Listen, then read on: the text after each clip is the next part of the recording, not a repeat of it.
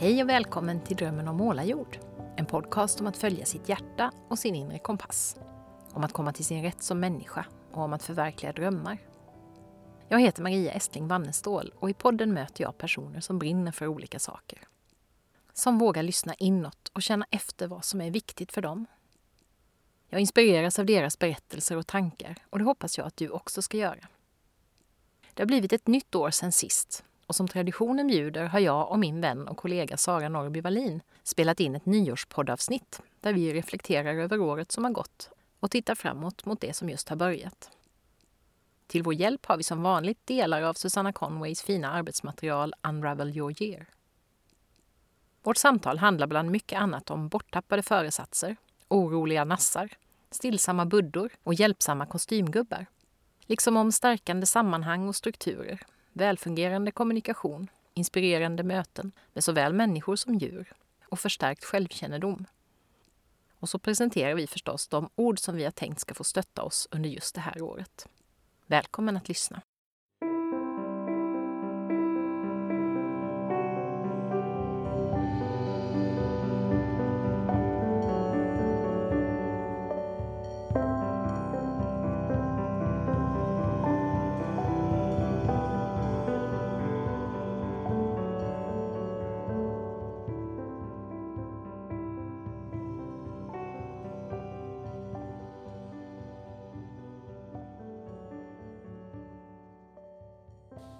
Sara, får vi säga välkommen till årets första poddinspelning Just det, tack så mycket. och den traditionella nyårspodden som vi brukar göra Yes. i januari.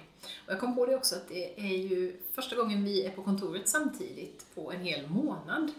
Det är fredagen den 13 idag och vi var här 13 december Just det. eh, och gjorde lite olika saker. Och sen däckade jag i covid dagen efter. Så att eh, det är lite, ja, mycket att fira en ny podd och vara här tillsammans och så. Så det är trevligt. Ja, bara att sitta på samma ställe och göra något, det är man ju inte helt bortskämd med Nej. de senaste åren. Så hur? det är härligt. Det var ju så. Jag har ju för en gångs skull då lyssnat på förra årets podd som du alltid brukar vara flitig att göra men som inte jag brukar göra. Men nu gjorde jag det när jag var ute och gick i skogen igår. Och då, då var ju den en eh, covid-podd. För då Just hade det. ni eh, sjukdom i huset och var inte säkra på om det var corona eller inte och sådär. Och ganska många inspelningar har jag gjort digitalt Mm. eh, senaste åren. Jag har haft en del ändå sådär att vi har kunnat träffas men på lite avstånd och så. Men det är väldigt trevligt att få vara tillsammans och kunna göra grejer ihop, tycker jag. Eh, och som sagt, jag har lyssnat på förra årets podd och det var ju kul för att då hörde jag ju också saker som jag sa att jag och vi skulle göra som jag inte all, i alla fall inte jag, har gjort. Eh, vi pratade om att vi hade samma, inte samma men nästan, lite i alla fall eh, liknande ledord för året. Du lekfullhet och jag glädje.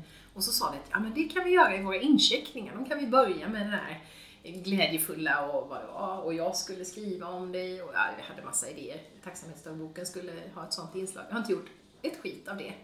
Så jag tänkte att det kan vi skicka med till lyssnarna här. Att det kan ju låta som att vi är så väldigt duktiga på att göra alla de där sakerna vi säger att vi ska göra och strukturera upp våra liv. Men då och då så skiter det sig ju fullständigt för Ja, oss verkligen. också. Det Och det, och det blir ju lätt att det man tar upp är ju de trådar som har löpt vidare. Mm.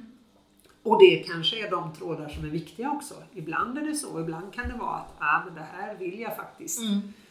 eh, ta ett tag till med och försöka få in i min vardag eller vad det nu är. Men, eh, nej, men det är ju verkligen så. Och det är ju också lite våran tanke tror jag, eller jag tror vi är överens om det, att det är, det är inte något kontrakt det här. Liksom. Nej. Det här vi kommer fram till om det kommande året eller, eller, och det är inte någon utvärdering på det där bedömande sättet eller Absolut värderande kring förra året. Utan det är ett tillfälle att stanna upp och sen kan man släppa det helt och bara Mm. köra på med sitt liv och så plockar man upp det efter ett år och så oj, var det det jag tänkte för ett år sedan? Eller så kan man ha checka in. Jag hade, Mm. I början av året hade jag liksom varje månad så försökte jag sammanfatta månaden lite Just och det höll väl kanske en fyra månader. Mm. Sen så kom jag inte längre Nej. till det liksom. Och det hade jag faktiskt tänkt göra nu, för nu kände jag, i år så kände jag riktigt så här, nej men nu har jag ett ord som jag är jättenöjd med Ja. och jag vill verkligen få in den mer i, eller det ordet mer i min vardag. Så nu tänkte jag att jag skulle göra som Susanna Conway, eh, som ju då bygger den här nyårspodden på hennes Unravel-material. Hon skriver om det, att just att ha någon typ av månatlig incheckning mot ordet och se, ja men hur har det här funkat? Så det har jag, nu har jag en föresats, nu säger jag det i podden. Får vi se om ett år om det blev någonting, om det blev fyra månader, om det inte blev något alls, eller om jag höll i det kanske hela året. Så vi får väl se vad det blir av det. Har du någonting sådär när du lyssnade på förra året som du Ja, jag lyssnade ju på eh, det här nyårsavsnittet här nu häromdagen och det, det jag tycker är roligt är att ibland så tänker jag att jag säger någonting, du säger något och så tänker jag det här skulle jag ha sagt som svar och så säger jag det. Mm. Och det är ju ett år sedan så jag, jag har ju hunnit glömma det och det är roligt och sen ibland är det helt annorlunda. Eh, nej, ingenting som jag har. Eh, jag tror att det kommer i så fall fram mm. när vi tittar i materialet och så och pratar om det. Mm. Ja, då kanske vi är redo att tänka, nej det är vi inte alls för vi ska checka in lite också. Det brukar Just vi ju alltid göra det vi. när vi börjar. Så mm. hur, hur är vädret hos dig idag? Ute är det grått och regnigt som det har varit nu i en vecka tror jag. Ja, fast det var lite soligt när jag var ute och gick med det. hunden för någon timme sedan. Och det känns lite sådär soligt i sinnet ändå. Det har, känns som en bra start på det här året. Det var, jag var väldigt trött före jul och sådär. Ja men sådär som barn blir när de är trötta så är allt är lite jobbigt och eländigt och mm. så liksom. Ja, så var jag då och det är jag inte just nu. Så det är väldigt skönt. Och en första ganska lugn arbetsvecka. Eh, nya idéer. Ehm, ja, men det känns bra. Och så har jag en av årets föresatser är till exempel att baka lite mer eget bröd. Så jag har en deg på kalljäsning ute på balkongen mm. som jag ska ta hand om ikväll och, och sådär. Så det, ja men det känns, och lite så här, nya föresatser kring eller nygamla kring eh, kroppen. Jag ska gå hem härifrån en halv mil och lite sånt. Så det känns som lite sådär nyårigt. Och det jag tänker är bra är att jag inte heller tror att nu kommer jag baka allt mitt bröd hela året och alltid gå hem varje fredag eller så. Utan nu är det så här den här veckan. Mm. Sen får vi se. Så det känns liksom kul och ändå ganska kravlöst mm. på något sätt krav, inte kravdrivet. Nej, så. Inte sådär nyårslöftesmåstigt. Nej, utan, utan nyårsinspiration. Ja. Så känns det. Önskelista som jag bloggade om för ja. typ tio år sedan. Eller Just att göra om det till en önskelista istället ja. för ett löfte. Precis, och på den mm. står att baka bröd. Bland annat för att det står massa konstiga mjöler och fröer som man inte vågar titta på bäst före-datumet. Och så länge ingen bor i dem så tänker jag att jag ska försöka baka upp dem. Det är en ambition. Ja, och vad mm. säger du Maria? Hur? Vad säger jag? Jo, men jag har också fått en bra start på året. Jag har haft ett långt jullov. Jag har känt mig superledig verkligen. På det där sättet att, ja men det har inte varit liksom att jag inte har gjort någonting för vi har haft folk hemma hela tiden och jag har lagat skitmycket mat och spelat massor med spel men det har liksom, jag har kunnat släppa jobbet, det brukar jag ibland ha svårt för. Jag brukar längta till jobbet så mycket och jag har massor med roliga saker så det är inte det att jag inte längtar men jag har kunnat ändå liksom ta ett kliv tillbaka och, och släppa det och njutit av ja, men hemmastanning och gå i pyjamasbrallor och ja, pyssla. Vi har ju hållit på också nu här och lagat massa mat i vedspisen. Och det tycker jag ju har varit så himla roligt det här jullovet för det har blivit som en liten utmaning att prova och se vad är det som går att laga, vad är det som inte funkar och använda den andra spisen så lite som möjligt. Vi har ju kört på den också men ganska mycket. Så häromdagen till exempel så lagade jag eh, kvällsmat, hela kvällsmaten på, på vedspisen. Och det funkar ju när jag är hemma och kan hålla på och peta in en pinne i brasan hela tiden. Men det funkar ju inte lika bra om man kommer hem sent och är hungrig och så. Men det har varit skönt att ha det där liksom lite Ja men lite softa, lite tillbaka till något. Jag vet inte. Inte så mycket digitalt och inte så mycket tempo utan mm. ja, lite så. Jag känner mig lite gammal. Jag tänkte på det här igår att jag känner mig lite som en hemmafru här nu, för jag har jobbat hemma hela veckan och min familj har kommit hem sent och jag har haft maten redo. Och det har inte känts jobbigt liksom, utan det bara känns, åh vad mysigt, jag får laga mat till dem. Och jag får gå här, ha lyxen att gå här hemma och pyssla. Så jag kunde verkligen på något sätt förstå den där, att det, alltså man pratar mycket om alla baksidorna av hemmafrulivet och 50-talet och allt det här, men att det finns också någonting väldigt eh, fint i att få vara hemma och pyssla och dona i lugn takt. Och, inte alltid vara liksom, på språng iväg till någonting eller så. så att, Mm. Lite dubbla känslor men, men eh, mestadels väldigt skönt, tycker jag det har varit. Mm. Ja, ska vi ta oss an nu det här med årsskifte? Yes.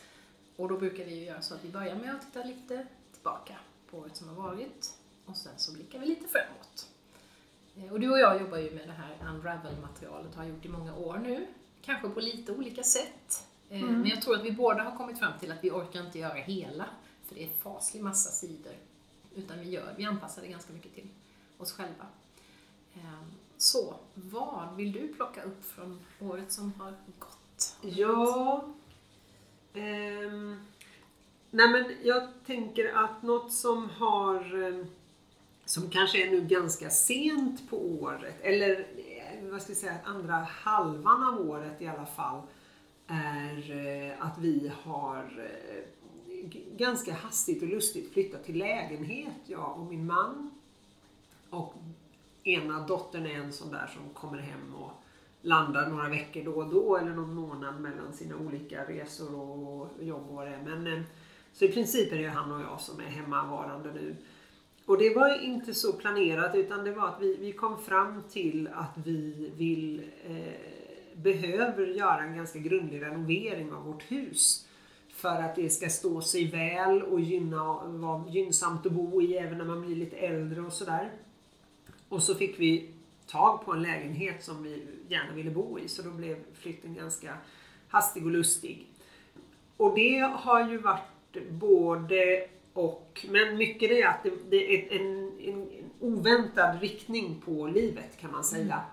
Och också en sådär osäkerhet, oj vad kommer det här att innebära i kostnad och, och i tid? Och, för det är klart att bo i en lägenhet när man har ett hus, det är ju inte gratis det heller. Och så. så det har varit rätt mycket ovisshet kring det. Men eh, det har vi väl landat i ganska bra nu. Men vi firar ju nyår tillsammans och då brukar vi ha lite hyss för oss. Och nu hade vi, eh, vi gjorde lite små framträdanden för varann och då hade jag och min man skrivit om Bo Kaspers låt Åh vilket år, där refrängen är Vilket år, vilket jävla år.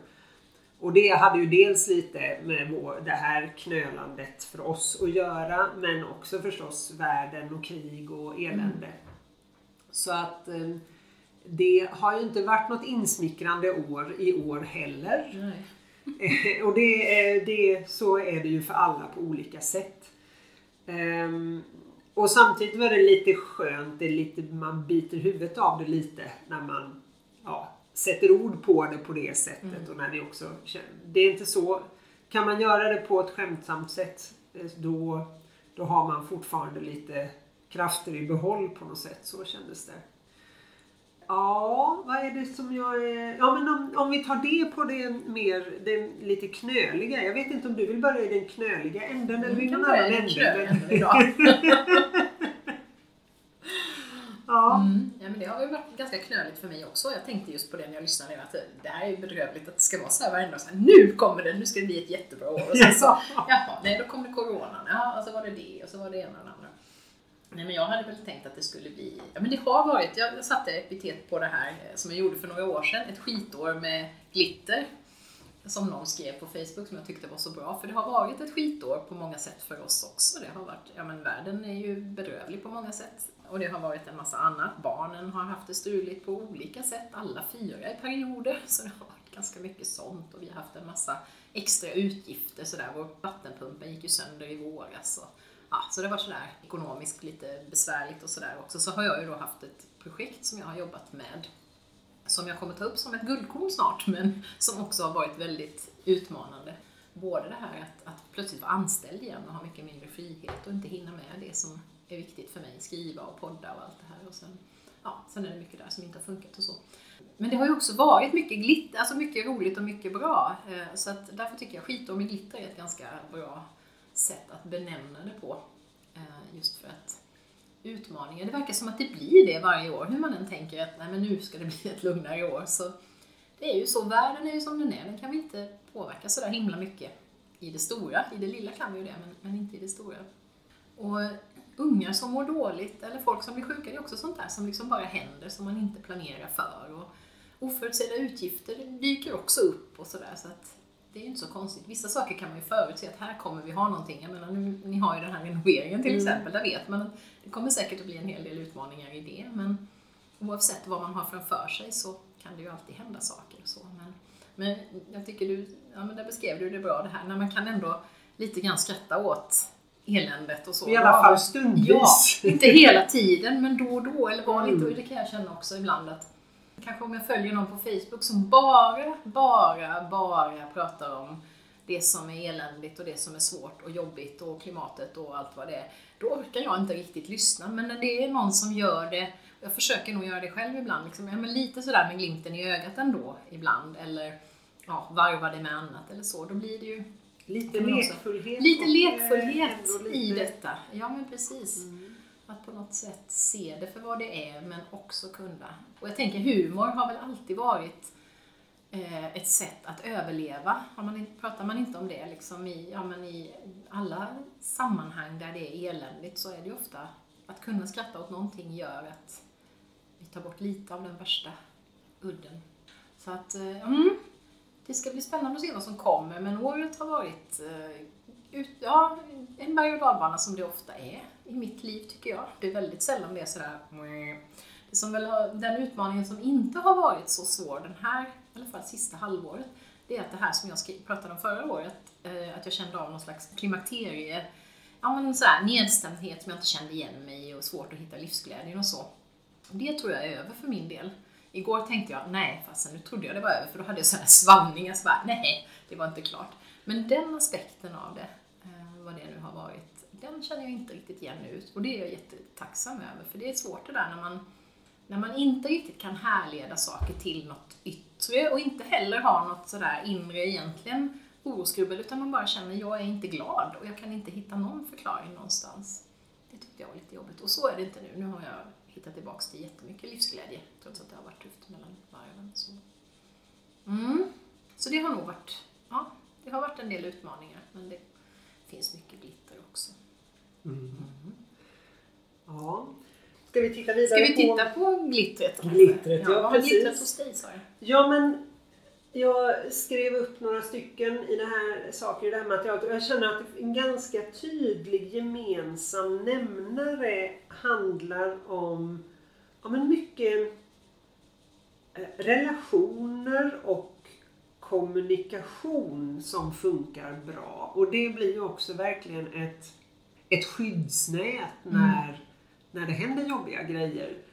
Och jag tänker bland annat då när ja, både det här med husrenovering men också ett annat väldigt här, konkret exempel när jag och min man var ute och åkte skidor mellan fjällstugor och då är det ju ganska ensligt och det är ingen ström och inget rinnande vatten och utedass och hej och Och så blev vi matförgiftade mm. och riktigt dåliga. Först Per och sen jag och så fick vi lägga om vår resrutt och åka skoter istället en sträcka och så, ja det hände massa saker kring det. Och, och det är ju helt okej okay om man i den processen blir ja, inte jättetrevlig med varann och liksom så. Det, det är ju inga konstigheter egentligen. Mm. Men samtidigt är det, ju, det är ju skönt ju närmare man kan ha dels till att ändå då och då se det humoristiska i det hela. Eh, Ja, det började ju förresten på nyårsdagen. Då var vi ute på en valsafari utan att se en enda valsvans och jag spydde som en, jag vet inte vad man spyr som, typ större delen av resan för att vara ja. förfärlig sjö. Och mellan, men sen mellan varven så var jag pigg och glad och kunde liksom se ändå det komiska i att vi satt där med våra påsar alla i alla eh, de här som åkte med på den här båten och sådär. Så det har varit det, på det viset, och det var som sagt på nyårsdagen, så det har varit lite sånt mm. tufft och stormigt och samtidigt med både en glimt i ögat och också med liksom stöd runt omkring. Ja. Så det tycker jag är, är en viktig grej som har glatt mig mycket. Jag tänkte också stödet och relationerna som jag har omkring mig som företagare, där ju du är en viktig del och andra också. Eh, och jag tänker på hur eh, ja, jag har en dotter nu i en fast relation sedan ett tag och hur hur den kommunikationen utvecklar sig mm. och hur de knåpar sig fram och hur hon förhör sig om hur vi har gjort i svåra situationer och, och sådär. Så att det finns mycket sånt som jag tycker och också min kommunikation med mig själv. En, en utmaning har väl varit, jag har kommit fram till att jag har en liten nasse i mig. En sån där som är ständigt orolig för en massa saker jobbmässigt. Som inte finns där i själva leveransen av upp, uppdragen. Då är jag, ofta känner jag mig som en liten Buddha liksom, som är mm. sådär lugn och tillåtande och, och verkligen känner det jag förmedlar. Men emellan är det mycket nasse som bara Åh, hur ska detta gå? Oj, hur ska jag hinna? Oj, oj, oj, och springer runt där och, ehm, och, och, den där nassen är, den sliter faktiskt lite på mig. Så jag ska, vi får se hur vi ska umgås framöver. Men, ehm, men jag tycker ändå då att på den positiva sidan så har jag ändå jag har jobbat på rätt så bra med att ta hand om den här lilla nassen och mm. försöka lugna den och så.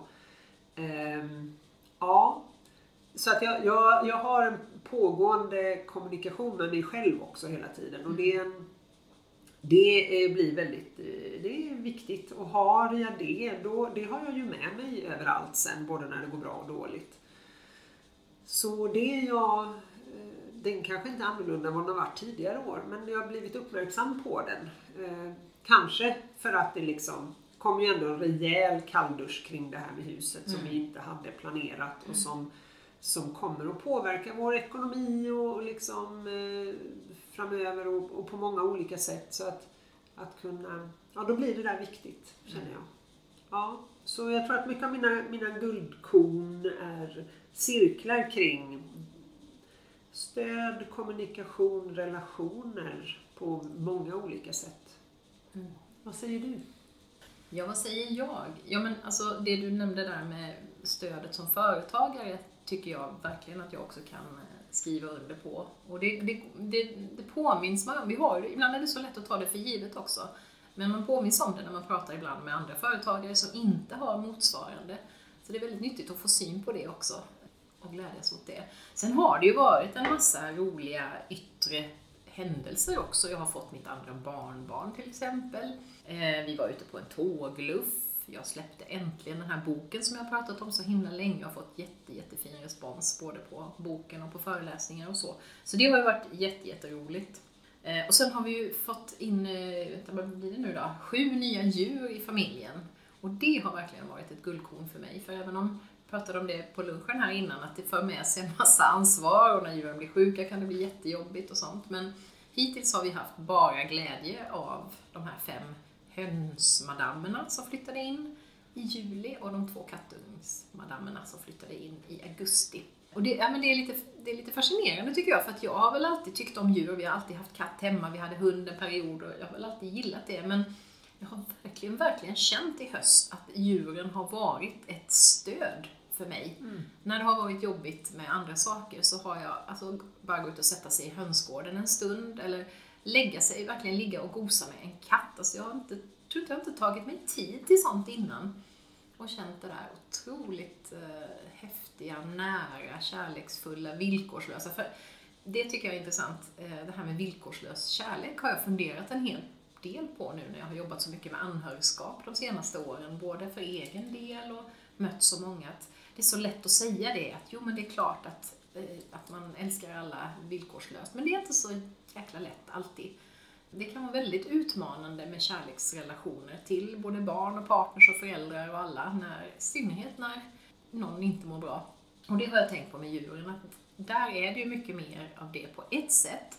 Men det finns också ett villkor, i alla fall hos hönorna. De älskar mig så länge jag ger dem mat.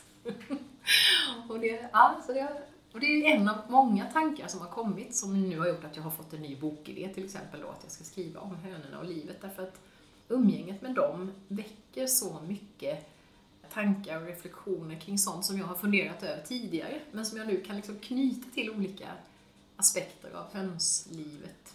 Så det ser jag fram emot, det ska jag inte prata om nu men, men det kommer framöver. Men alltså djuren har blivit en, de har blivit en otroligt viktig del av mitt liv. Och det har jag också tänkt när jag har gått här hemma nu och pysslat på dagarna, för det har tagit jättemycket tid för att alla ska ha olika mat och på olika tider och de stjäl av varandra. Så jag måste ägna massor med tid åt att liksom bara få alla djur att äta det de ska och när de ska. Och det har bara känts mysigt. Det är ju sånt som skulle kunna bli jättestressande och kommer att bli det när jag har dagar när jag inte alls har det så lugnt och stilla. Men, men eh, det har, jag har verkligen kunnat njuta av att ha den där luften i systemet så att jag har tid med det. Jag har tid att ja, men, vara här nu och kolla så att den, den inte personen, den katten får rätt mat. Och ja, det har funkat jättebra.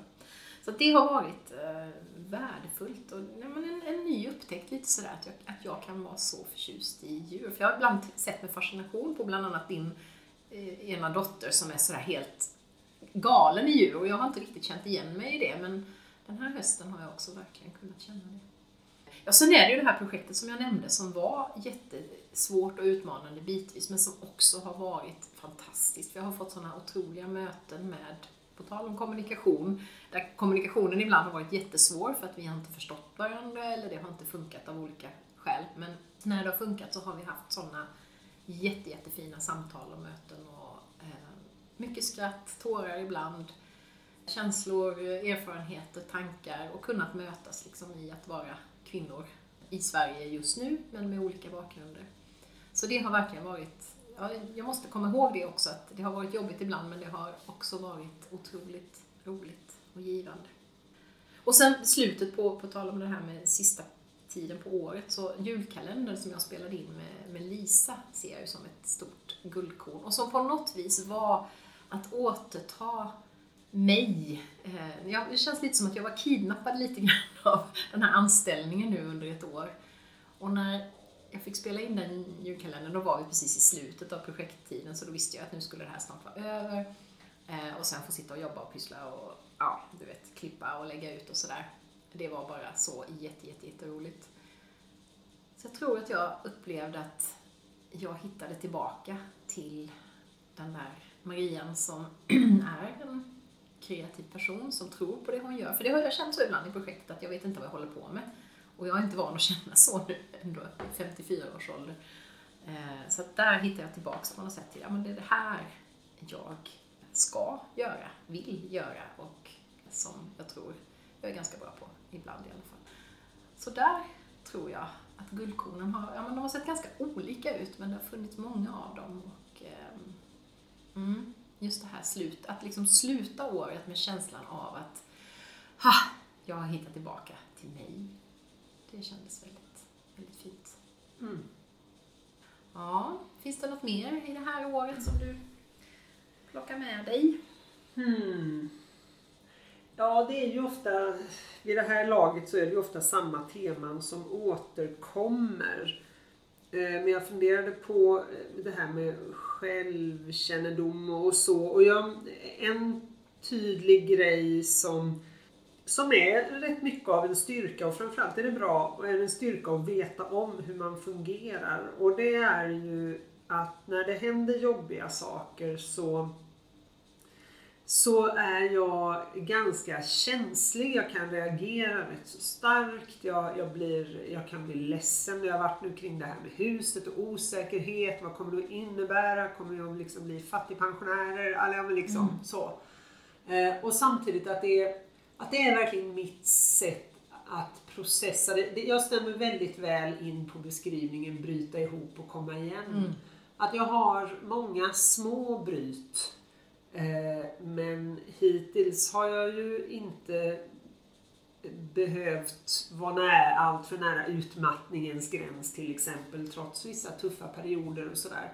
Men att det är någonting med det och att det gör med det är å ena sidan den känsligheten och samtidigt att det blir som att jag pytsar ut saker över tid.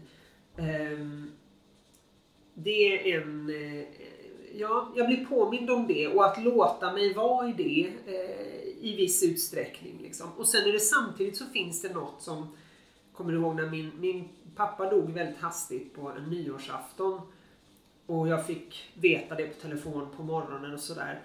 Och blev ju å ena sidan jätteledsen och sen å andra sidan så är det någon slags känsla när det, när det saker ställs på sin spets och man har någon slags möjlighet och kapacitet att hantera. Att man kan känna jäklar det här, nu är vi mitt i livet. Mm, mm. Och att det är också något något lite häftigt med det liksom. Och, in, och, och inte någon slags känsla att oh, vi klar, jag klarar det här vad som än händer. Utan men någon slags väldigt tydlig närvaro och någon styrka i det. Ehm, som, ja, av de två sidorna, det här byta upp och komma igen och sen samtidigt när jag väl har landat ja, då, då, är jag ganska, ganska välgrundad i saker och ting. Och det, ja, nej men det, det är som det är. Jag skulle kunna önska att det var på något annat sätt men nu är jag sån här och det tycker mm. jag är helt, jag tycker det är helt fine så. Eh, så det, det har blivit tydligt den här hösten eh, igen. Ja. Vad fint att få syn på de där grejerna, att de, de blir tydliga för en för det blir ju lättare att förhålla sig också till. Precis. Men då vet man att så här fungerar jag. Ja. Då kan jag vara lite förberedd på det. Lite till, till skillnad från det här då klimakterie, konstiga nedstämdhet som jag inte visste vad jag skulle göra med för att jag kände inte igen mig liksom. Nej. Mycket lättare med det som man har någon slags relation Ja. till.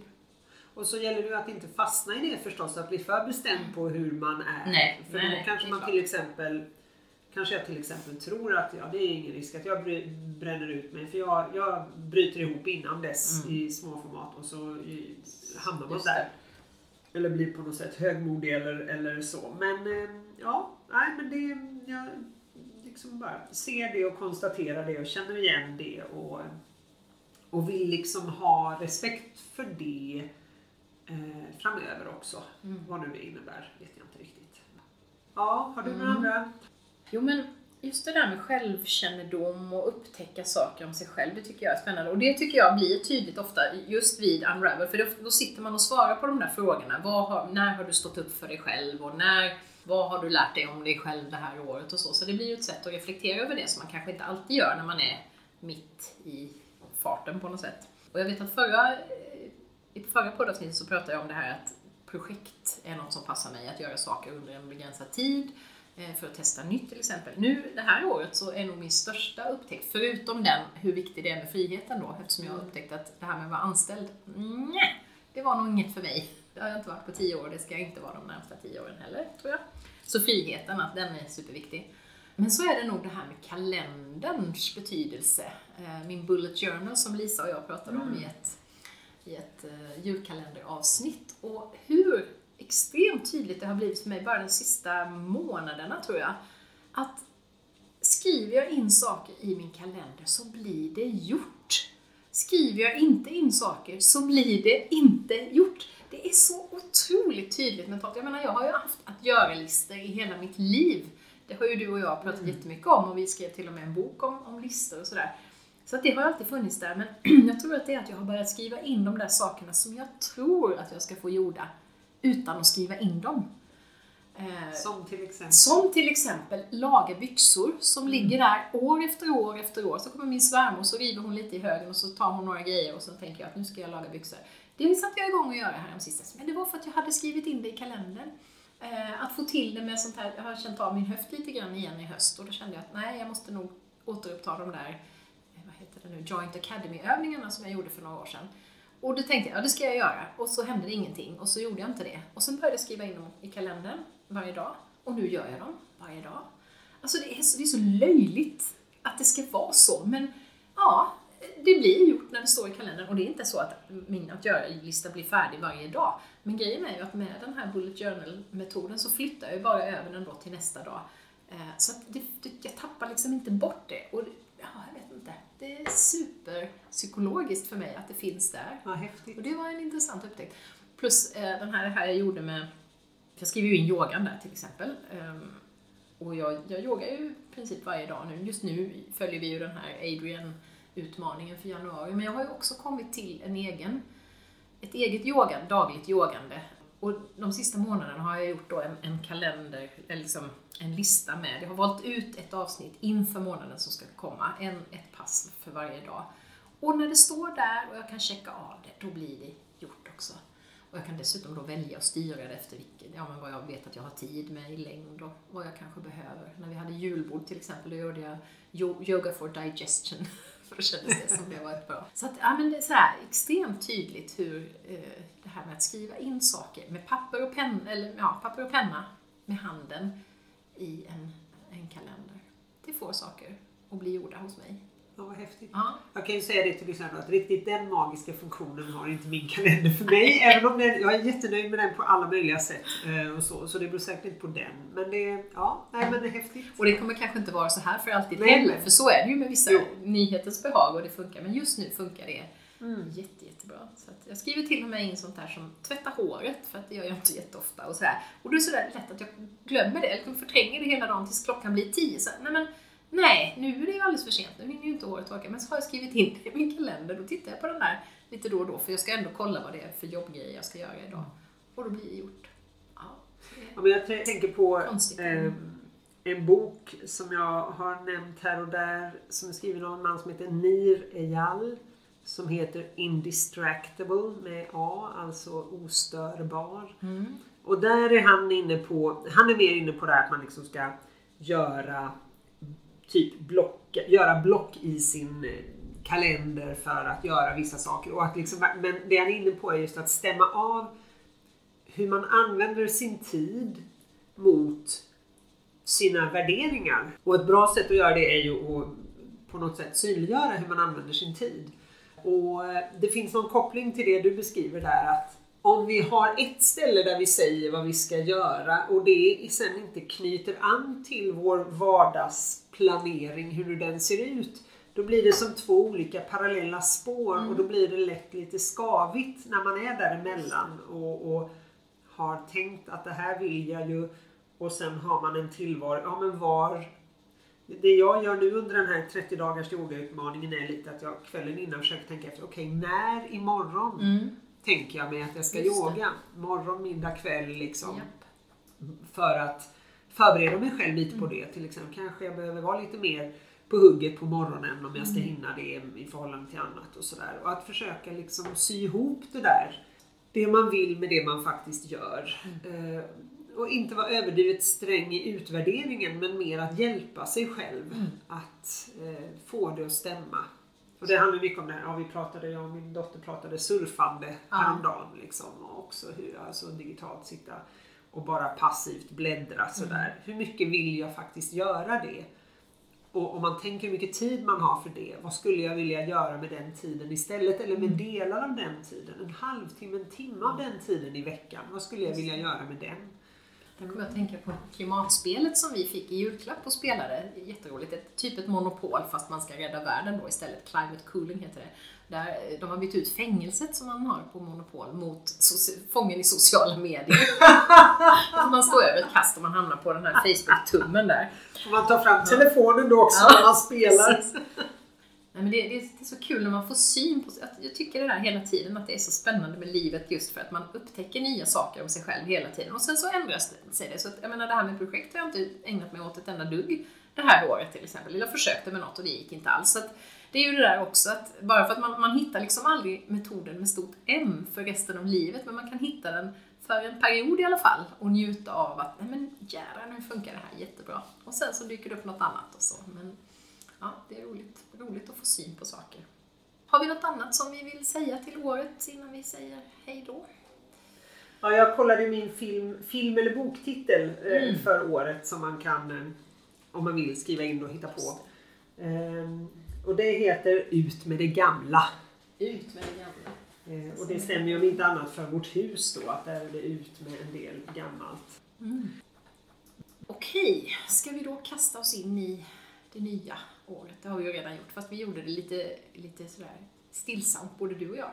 Ja, precis. Ibland kan det ju vara sådär, jag pratade just med någon som, som pluggar nu eh, och som sa det att det är ganska galet det här att man har på universitetet de här terminerna som går en bit, och det minns ju jag när jag jobbade som lärare där också, att jaha, då skulle man liksom snabbt in i, för det första kanske man inte fick vara ledig över jul utan man satt och rättade tentor, eller skrev tentor då om man var student på annandagen sådär. Men också då, man kan liksom inte smyga igång året utan nej, då är det något seminarium där den 5 januari som ska förberedas och så. så det, och hon sa just det att i, i andra länder så börjar man ju ibland då terminen tidigare och så är man färdig till jul istället. Så att jag vet inte, det är något konstigt system vi har. i- Ja, jag I tror Sverige. det, med tanke på att resten av tillvaron eh, följer ändå Ja. det ganska mycket så, så ställer man till det lite. Ja, man gör det. För man tänker att man ska få vara ledig Ja. och så får man inte vara Så blir det det här liksom rivstarten på året och sen, eller ja, det ska ju vara någon slags avslut men det blir ju aldrig det riktigt Nej. för man hinner inte pausa emellan. Men vi har ju haft ganska lugna inledningar Det har vi. så här långt. Mm. Så vad tänker vi oss nu då? Nytt år, nya chanser och möjligheter och kanske förhoppningar. Vad? Ja, Ska vi börja med våra ord? det tycker jag. Du kan väl börja som Ska jag börja med mitt ord? Ja, men i år så hade jag två ord som jag höll på jättelänge att välja mellan. Jag har ju, jag tror att det var förra året jag började göra Susanna Conways Find Your Word som ju är en, ja, men en del i Unravel om man vill, där man kan få lite extra hjälp med just själva ordet. Och då kom de två orden magi och respekt. Och magi, där tänker jag, ja men det här, dels det här liksom skapandet, mig som alkemist, jag som kan skapa magi, eh, jag som kan eh, ja, men kreativiteten och skrivandet och allt det där och, och den här mysfaktorn liksom i vardagsmagin men också den här lite mer andliga eh, Eh, aspekten som jag känner att jag tappar bort med jämna mellanrum och behöver påminnas om. Och sen det här ordet respekt, det var lite grann, det handlade inte om någon sån här auktoritär respekt utan det handlade om respekt för mig själv, mina drömmar, mina, ja, min, min tro på mig själv kanske, att respektera det. Du har kommit långt nu i livet, du har gjort mycket, du har jättemycket kunskaper Eh, och förmågor och att verkligen se dem. Men sen så var det då en fråga i det här Find Your Word-materialet. Om du nu tar de här båda orden och så känner du på dem verkligen så här. Och så känner du vilket av dem är som ger dig kviller i magen. ja, då var det ganska lätt att välja. Så det blev magi. Och det har funnits med som ett sånt här stödord tidigare så det är inte nytt på något sätt. Men det kändes ändå som att det syr ihop väldigt mycket av det jag tänker för året som, som komma ska. Och en av de grejerna som jag har tänkt att jag ska ägna det här året åt, det är ju att skriva mycket. Och då var det så roligt för då tänkte jag att jag skulle läsa en liten mening ur en bok jag fick av min dotter här i födelsedagspresent som heter The Way of the Fearless Writer. Alltså Oj. den orädda skribentens, eller författarens kan man ju se det som också, eh, väg. Och då skriver hon så här. To write is to pay attention to your life and to open up, to, open up the channel for magic and mystery to flow through you. Och då kände jag att ja, men det var precis, det, det satte fingret liksom på det här att skrivandet är ett sätt för mig att skapa magi och magin kan hjälpa mig, alltså det blir någon slags ömsesidig eh, rörelse där. Och att de hänger ihop, att skrivande och magi. För först tänkte jag magi, hur får jag ihop det med det här att jag har tänkt att jag ska skriva så mycket i år? Men då kändes det bara som att ja, det var så. Eh, och då kan jag låta det här liksom flöda. Jag kan, få hjälp av det magiska tänkandet i skrivandet och skrivandet i sig blir magiskt och så. Så då, då, ja, det kändes jätterätt. Och sen har jag några andra stödord som självklar, det hängde ihop lite med det där med, med respekt och jag hade något så här genombrott, kändes lite kaxigt. Jag vet att det var något ord jag valde, framgång, och det kändes också sådär, uh, kan man, kan man ha ett sånt ord? Men jag tror nog att jag kände det där, att det är en del av den här respekten, att ja men fasen, har gjort jättemycket nu, det är på tiden nu att folk fattar det också. Och att inte behöva hela tiden jaga uppdrag och sådana där grejer. Eh, Och så när vi hade vår lilla genizonsträff här förra veckan så var det någon, jag kommer inte ihåg om det var du eller någon av de andra som nämnde ordet guldorder, att liksom hitta sin guldorder i allt det man gör. Vad är det som, som andra också har glädje av och som kan ge inkomst och, och sådär. Ja, magi är huvudordet men det finns ett, en hel hög med små andra ord som stöttepelare till det. Och du då Sara, vad blir det i år? Ja, nej, men först en association till magin. Ehm, Jag pratade ju om eh, den eh, nervösa Nasse som springer runt och oroar sig för saker. Och sen har vi den här mer Buddha-feelingen i många av mina uppdrag. För, och på gott och ont är det så att det, det krävs av mig att jag är lite Buddha-aktig när jag handleder, när jag modererar eller så på det sättet att jag, jag behöver vara den här liksom trygga och liksom nu får vi detta att fungera och nu känn er lugna. Här tar jag hand om saker och ting. Och det som är den stora fördelen med det är att jag behöver liksom set myself up for greatness, eller så man brukar säga Adrian. Alltså jag behöver ordna det för mig så att jag kan kliva in i den rollen. Och jag tycker att eh, jag fick precis respons från en, eh, ett företag där jag träffar grupper i handledning där vi pratar mycket om kommunikation och samarbete och stress och sådär. Och där eh, min uppdragsgivare beskrev det som att hennes medarbetare då antingen går iväg till eller kommer tillbaka från de här handledningsträffarna med någon slags så här lite så här bara, oh, ska jag gå på handledning? Lite så här halvheligt eh, känsla så. Och det var så väldigt roligt att höra och, och jag känner ju så också när jag är i de sammanhangen. Och då tänkte jag att ja men där, är, där har jag lite sådär magiglitter mm. runt det jag gör och det, det är kul. Och glädjande att det liksom att det glittrar av sig på, mm. på de som är där också. Så.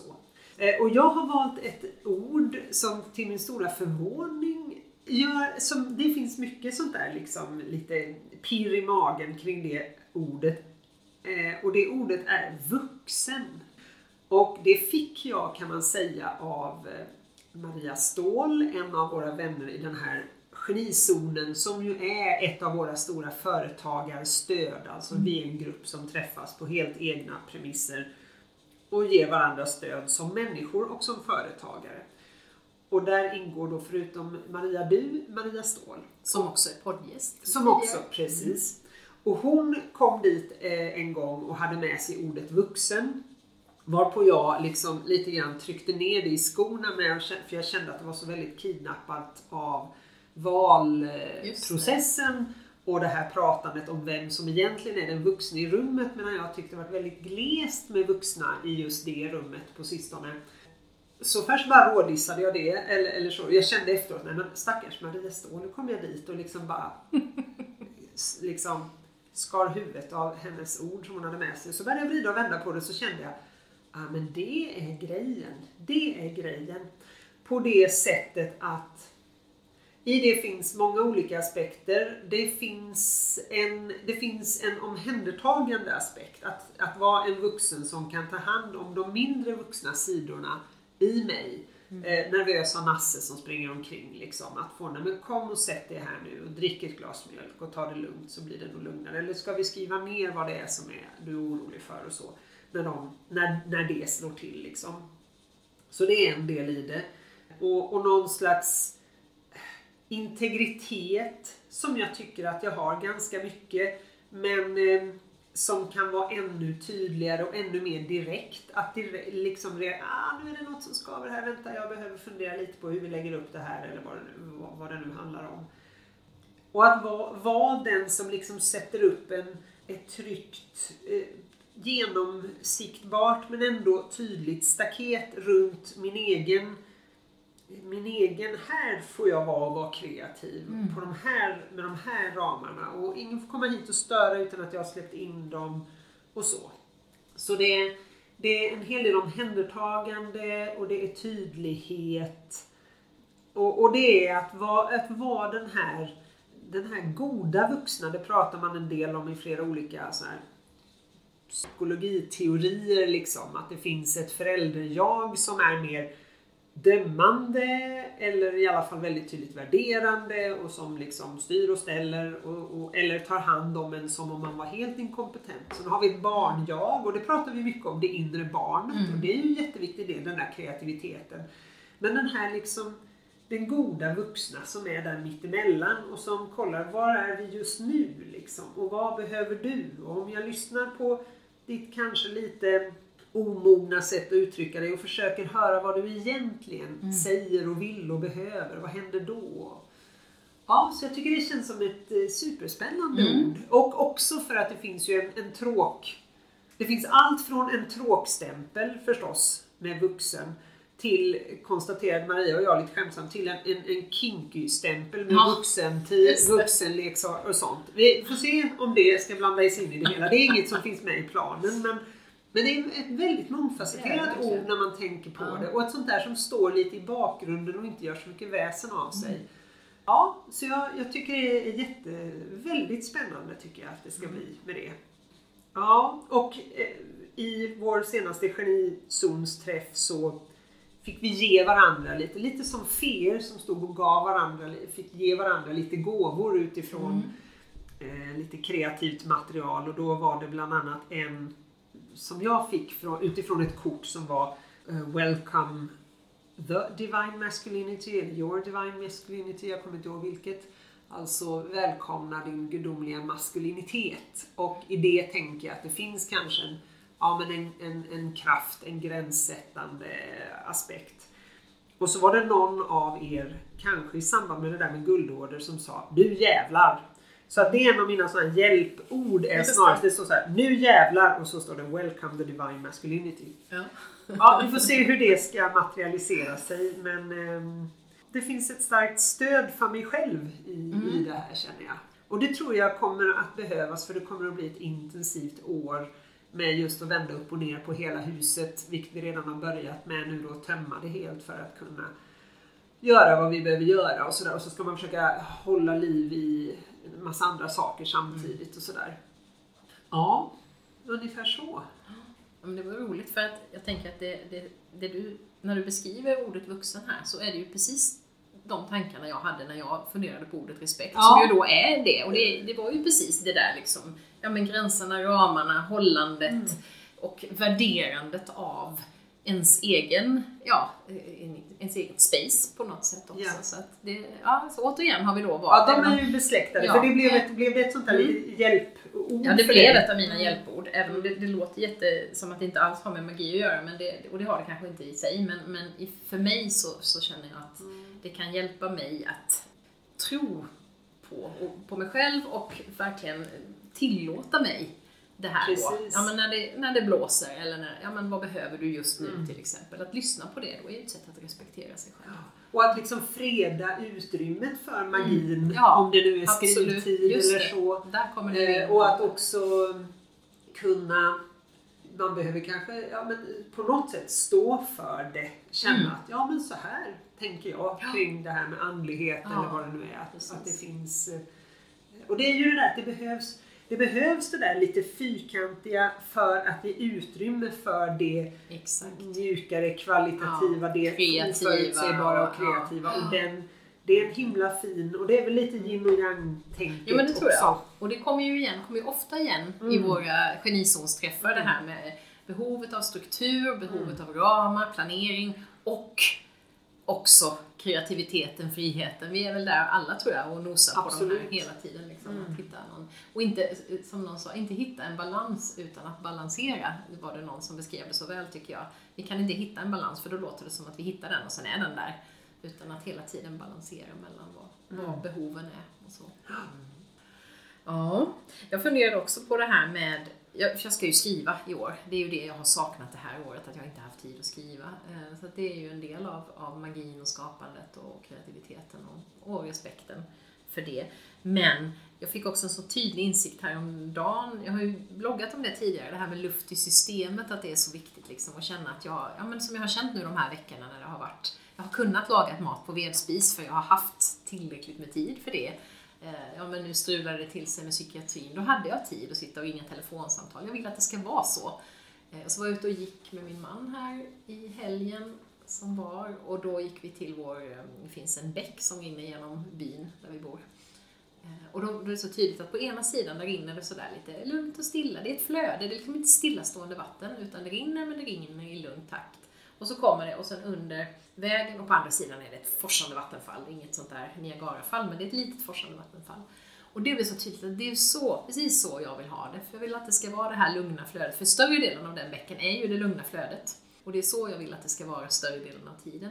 Men sen tycker jag ju mycket om de här rusen också då och då. När vi har hela huset fullt med folk till exempel på midsommar och eh, jul och sådana där grejer. Och, ja, men när jag kör min föreläsningsturné, nu ska jag göra en helt galen, där jag ska vara både i ända upp i Gällivare ena dagen och sen ska jag vara i Lund en annan dag. Så det kommer bli helt tokigt, jag kommer vara helt slut. Och jag efteråt. önskar att du behövde en bokcaddy som bar dina tunga väskor så att jag fick åka till. Gällivare. Det skulle jag. Det kanske blir så, får jag tillräckligt många föreläsningar nu så kan jag anställa en bokcaddy, då kan du få bli den.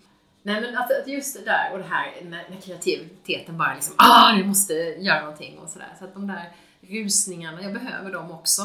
Men att flödet större delen av tiden är det där, den där ganska stillsamma bäcken ändå. Det, jag har nog hittat, hittat en bra bild av hur jag vill att mitt liv ska vara, tror jag. Mm. Och sen tänkte jag på en sak till om nästa år och det var ju att i det här Unravel-materialet så kan man ju om man vill lägga en tarotrunda för de olika månaderna och för året. Och då var det ju lite roligt då att mitt eh, kort för året blev narren.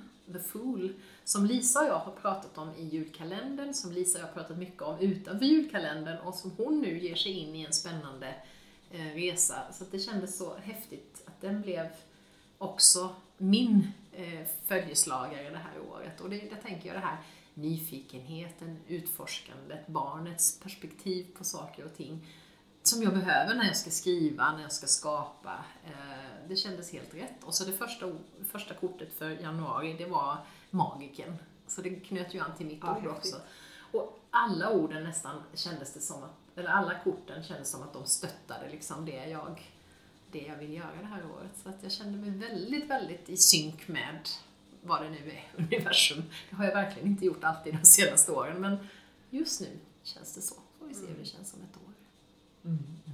Har du någon annan tanke sådär för året? Ja, jag slog mig nu och det stämmer väl lite med det jag satt och jobbade med i förmiddags att jag eh, kanske en del i, i det här vuxna att Alltså som jag jobbar med kunder i, jag är ju rätt så, jag utgår väldigt mycket från vad kunderna behöver. Det gör väl alla som kommer någon vart med, med att vara konsult. Men det är inte så att jag har så mycket skräddarsydda koncept eller som ja, både du och flera av våra eh, eh, företagarkollegor har haft liksom färdiga kurser som man Mm. anmäler sig till. Alltså man har en färdig kurs och så hittar man deltagare. Utan jag eh, har jobbat mer så att en kund har kontaktat mig, beskrivit ett problem och så har vi designat något utifrån det.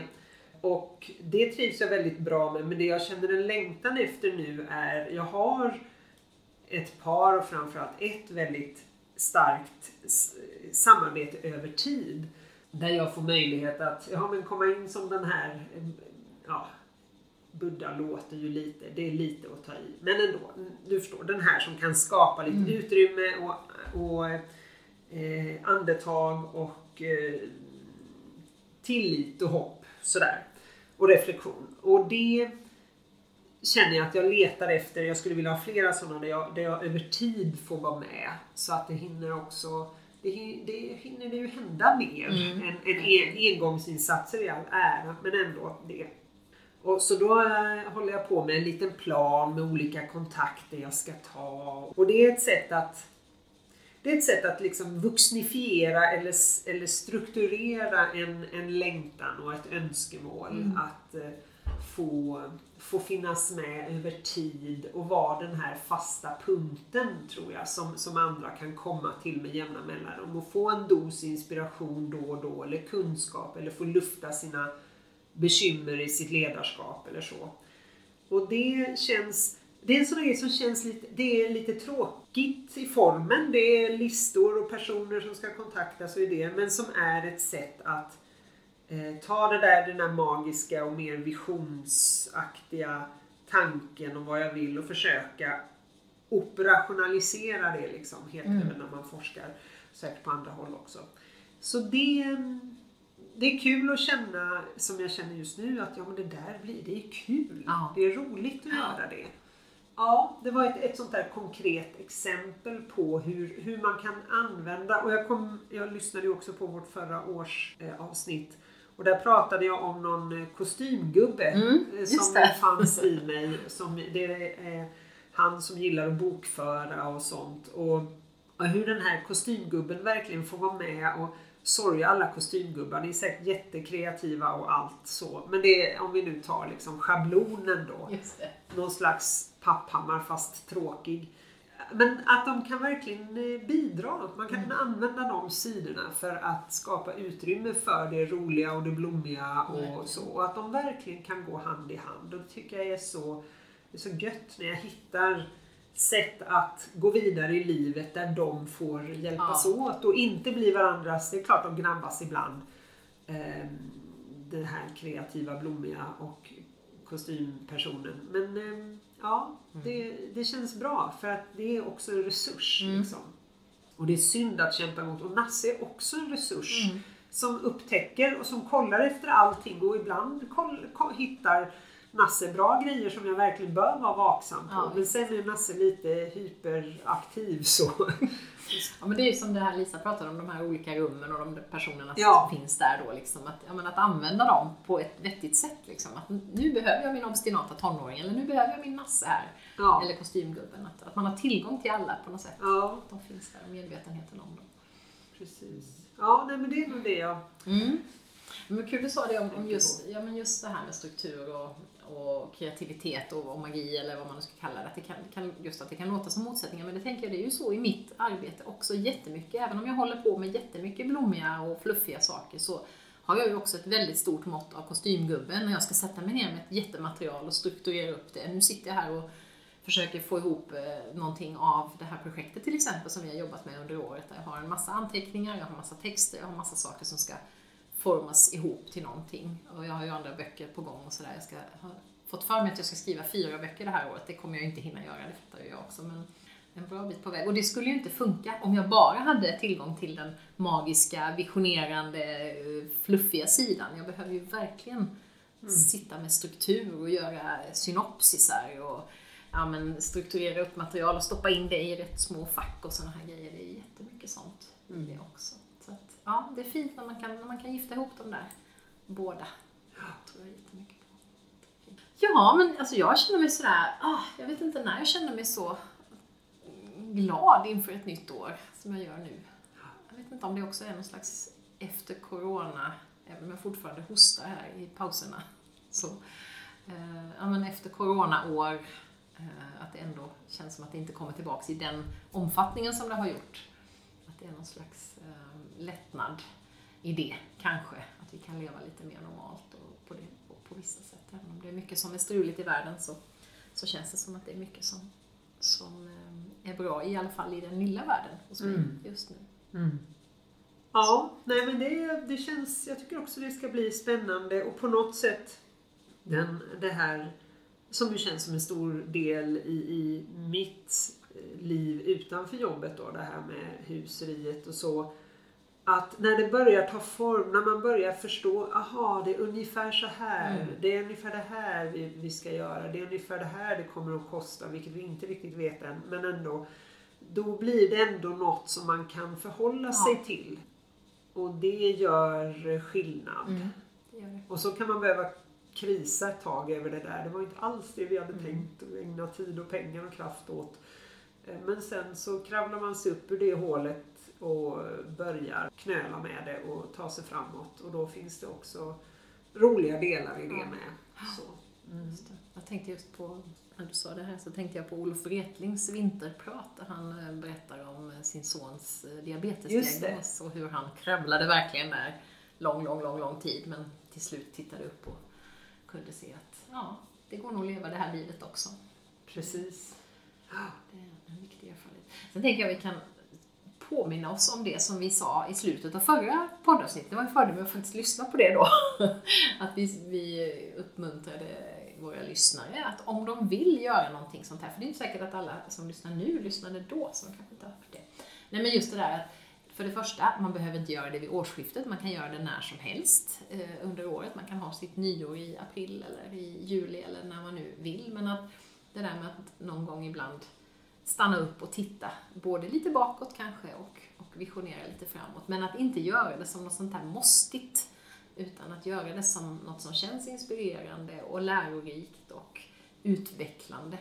Det, det tycker, och jag har tänkt mig nu då att jag ska försöka göra en sån här lite månatlig avstämning av mitt ord och se, så får vi se om det, om det blir någonting av det. Men jag tror att jag kommer ha glädje av det. Jo, men jag känner mig också sugen på att eh, det finns mycket kraft i det här känner jag. Eh, som det jag har skrivit och som har med det här eh, ordet att göra. Och så. så jag känner mig också inspirerad att återvända till det då och då och se vad betyder det just nu. Ehm, så vi får väl se om det... Vi kanske rent av gör en liten halvårs nyårsincheckning det här året och ser lite grann. Vi behöver inte ha en, sitta och prata så länge, men vi kan ta en liten kort podd kanske någon Ja, gång i men det vore väl en kul och se. grej. Ja, Verkligen. det kan bli en ny, ett nytt litet inslag i Drömmen om målarjord. Mm. Ja, Tack så jättemycket Sara för att du kommer hit och pratar med mig och att dela med dig av dina kloka tankar. Tack själv. Det blir ju också väldigt roligt. För, ja men det här bara att man hittar, vi hittar kopplingar. Vi får inspiration av varandra Mm. och så. så att det, man kan göra detta ensam och det kan ha sina kvaliteter. Men det har definitivt sina kvaliteter att göra det tillsammans. Mm. Och så tanke på att någon kanske lyssnar och har lite glädje av det också på ett eller annat sätt. Det, det är ju en extra krydda. Mm. Eh, ja, så tack till dig och tack till de som lyssnar. Ja, till tack er som lyssnar.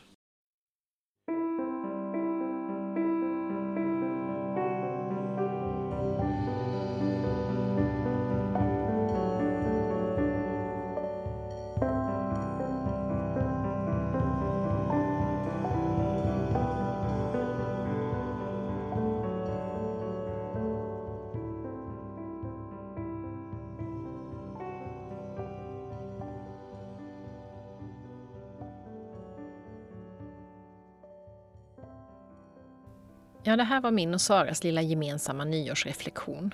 Kanske väckte våra tankar något hos dig. Kanske blev du sugen på att själv prova Susanna Conways arbetsmaterial som är helt gratis. I så fall hittar du det på susannamedhconway.com unravel. Kanske är det här med nyårsbokslut någonting som du redan brukar göra. Kanske har du hittat en fin ritual som du vill berätta om. Eller kanske det inte passar dig alls, i alla fall inte den här tiden på året. Vad som funkar för dig kan ju bara du veta. Men att då och då stanna upp och göra en liten avstämning i livet tror jag nog att de allra flesta har nytta och glädje av. Som jag sa i mitt samtal ser jag väldigt mycket fram emot att få mer tid för mitt eget skapande det här året. Jag ska bland annat skriva färdigt min påbörjade bok om den inre kompassen och en alldeles ny bok om hönorna och livet. Och så har jag en massa spännande poddgäster på gång. Två avsnitt till inspelade bara den här veckan. Förhoppningsvis kan det ur detta kreativa flöde komma något som landar väl hos dig. I samtalet så nämnde jag också vid några tillfällen min och Lisa Moreus julkalender, där vi varje dag under advent bjöd på ett litet minipoddavsnitt utifrån något som vi inspireras av. Om du missade kalendern och tror att du kan ha glädje av den, så finns alla avsnitten samlade på dromenomalajord.se. Du hittar dem också i det vanliga poddflödet, till exempel på Spotify eller iTunes. Och så kan jag passa på att påminna om mitt månatliga inspirationsbrev, brevet från Målarjord, där jag varje gång reflekterar över ett tema, inbjuder till egen reflektion och tipsar om böcker, poddavsnitt, meditationer och annat användbart. Tack för att du har lyssnat idag och varmt välkommen tillbaka.